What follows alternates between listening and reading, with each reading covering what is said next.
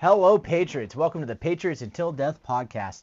So, uh, we're going to be doing things a little bit differently now. Uh, I'm going to be posting on Rumble and also to Spotify and Apple and a whole bunch of other uh, Apple Podcasts and a whole bunch of other um, platforms. So, um, yeah, so that's the new thing. I know I haven't posted in a while, but uh, I'm back. So now you get to stare at my pretty face the entire time. It'll be fantastic.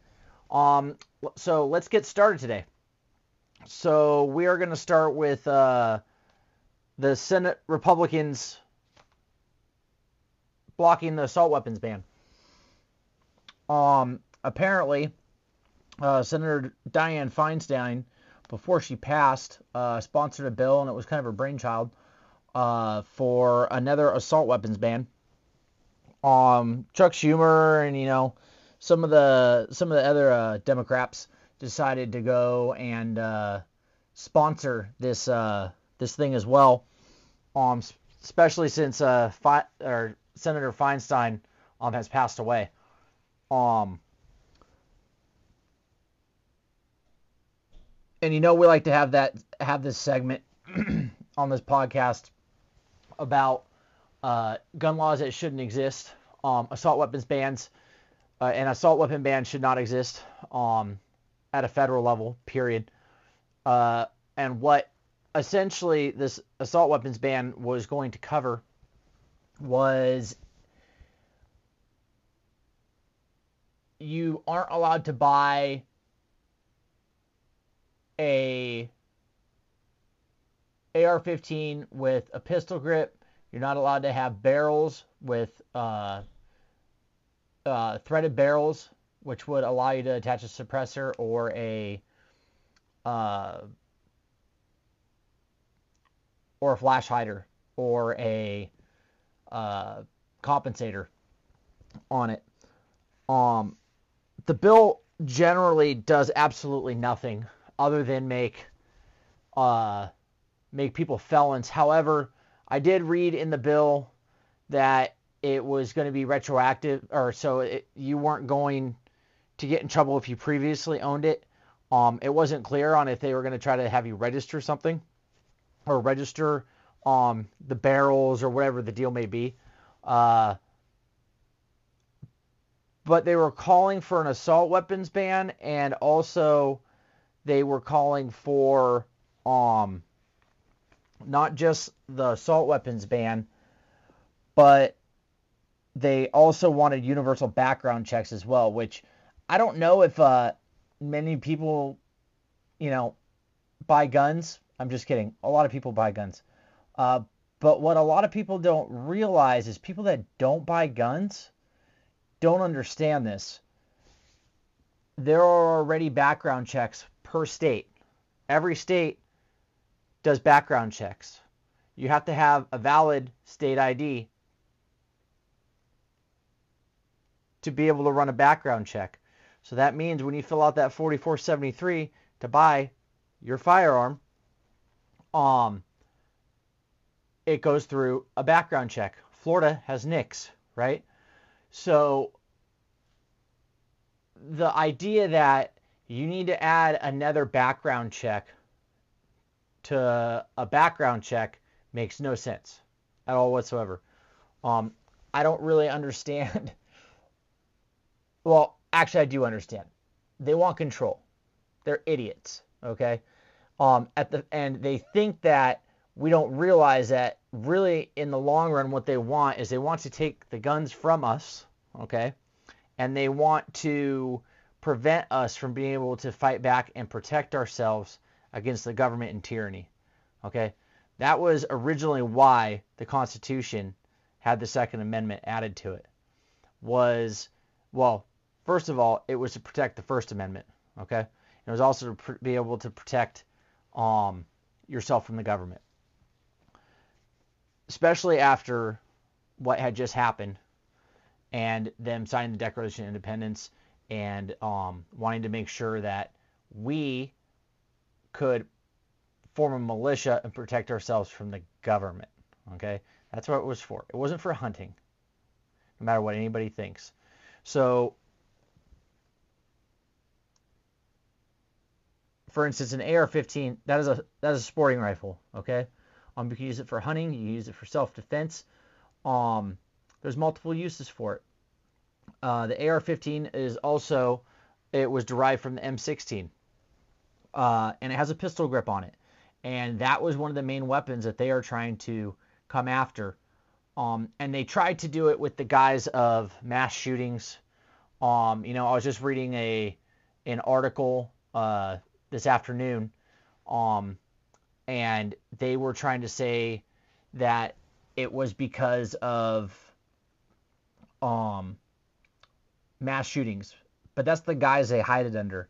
And don't get me wrong, mass shootings, school shootings, wherever the mass shooting takes place is absolutely one of the most disgusting and vile things that can happen to a people, to a school, to children. It doesn't matter. 100% condemn it, okay? And anybody that doesn't is an absolute psychopath.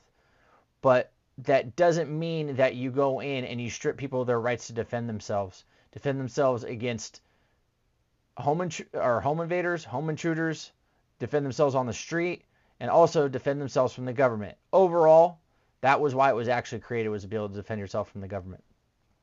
Um, if you give them an inch, they will take a mile. Okay? And what will happen is they'll just keep coming back, take a little bit more, take bump stocks. Okay? Come in, just chip away at it, chip away at it.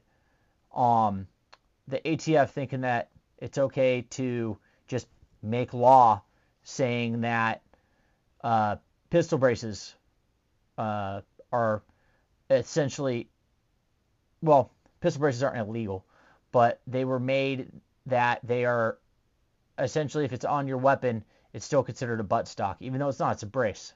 Okay. So they just decided that they were just going to have a ruling on it, which that obviously didn't go in their favor. However, that's what they do. They just come in and they just try to find any way to take that right from you. Okay? And they'll keep coming back for it. Forever. Okay? They will not stop. I guarantee you, they will not stop until they have everything if we don't fight back. We have to fight. Okay? We have to make sure that we're calling our representatives. We are um, emailing them, calling them, letting them know how we feel and that they need to vote no on these types of things. Okay? Uh, let's see. Um, so I would like to thank them for not our senators for not allowing this bill to go through.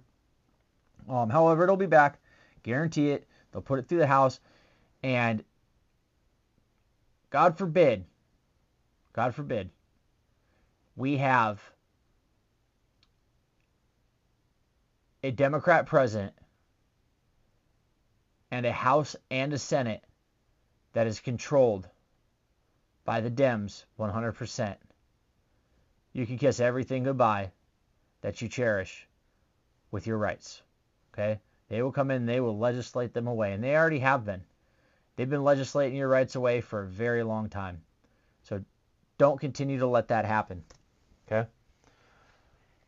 Okay, so there is another um, thing I would like to go over today.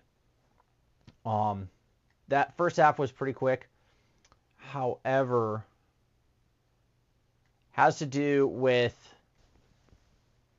the presidents from Penn, Harvard, and MIT. Uh, I know this has been all over the news, but I just kind of wanted to weigh in on this. Um, this is that instance where trying to trying to do the political thing while being questioned by the House of Representatives was not the right thing to do. Um, and it amazed me that they didn't see the writing on the wall on a national stage, okay? To condemn anti Semitism. Essentially, what they did was they sat back and they tried to use political jargon to get their backs off of the wall. And all they did was make it look like they were anti Semites. It's pretty crazy to me that these people, these three presidents of Harvard, Penn, and MIT, thought that giving a political answer and beating around the bush instead of just outright condemning it was a good idea. Uh, they really truthfully stepped on a hornet's nest when they went in there and they made the biggest mistakes of their lives. Such a big mistake that the president for Penn has already resigned. I'm going to go out on a limb and say it was a forceful resignation. Um, and then the heads of Harvard and MIT's uh, presidents ha- are being called for beheading, essentially. Um, and I'm not surprised. I actually I watched the I watched it, and I didn't watch the full five hours, but I watched the I watched enough that I was pretty pretty set back and pretty appalled at the idea that all three of them gave the exact same answer. Like they had already talked about the answer they were going to get they were going to give beforehand. And all three of these people that are supposed to be smart they're supposed to be educated they're i guarantee you all of them have college degrees. I don't know what they have college degrees in. But for these people that are supposed to be really smart they did some really dumb stuff when they were answering the other day. And they did not give the correct answers that they should have been giving. Hopefully, they would have been genuine answers. However, you've got to know when you walk in on a national stage like that, if you're not condemning anti-Semitism and or any type of call for genocide against any race, any people, it doesn't matter. If you're not outright saying, yes, it's condemned, yes, that is bullying, if they say that to them, calling for genocide, that is bullying and harassment. Period. What what's crazy is is you got guys like Ben Shapiro that go to a college, right? And then they are banned from that college because their speech is considered hate speech, even though it's not, but their speech is considered hate speech. But then you have students that come in there and then they start they start chanting from the river to the sea, which is essentially calling for genocide okay? Basically saying to wipe out all the Jews, okay? in that region, and that's not considered hate speech. If you can't just outright condemn it, you shouldn't be in that position of power. And as should be,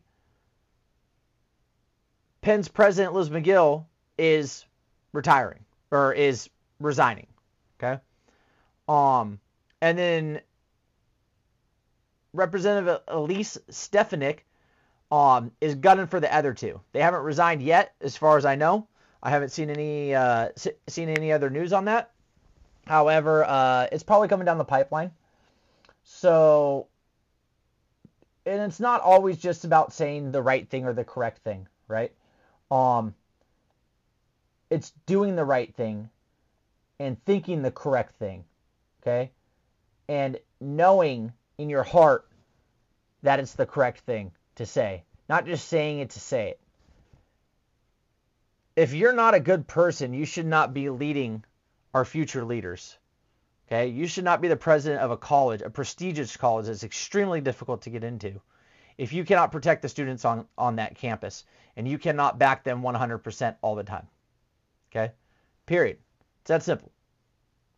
So you know, hopefully they learn a lesson and they're able to change their ways of thinking and be able to uh, be better people in the future.